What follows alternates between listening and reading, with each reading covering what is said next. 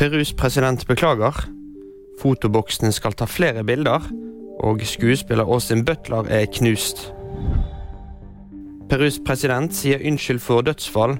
Perus president Dina Bolarte sier unnskyld for de flere titalls dødsfallene de siste ukene. Det som følge av voldelige sammenstøt mellom demonstranter og politi.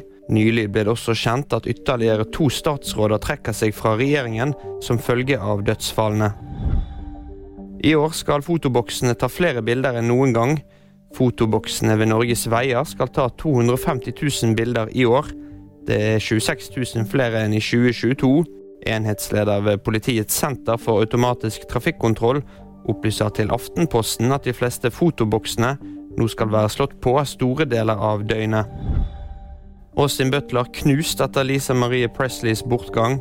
Hjertet mitt er fullstendig knust. Jeg er evig takknemlig for tiden jeg var heldig nok til å være i nærheten av henne. Det sier Butler. Lisa Marie Presley og moren Priscilla Presley var til stede på Golden Globe-gallaen for å heie på Butler, som vant for rollen som Elvis Presley i den store fjorårsfilmen. Lisa Marie Presley døde fredag, 54 år gammel. Det var VG-nyhetene. De fikk du av meg, Kristoffer Gåsve Torgersen.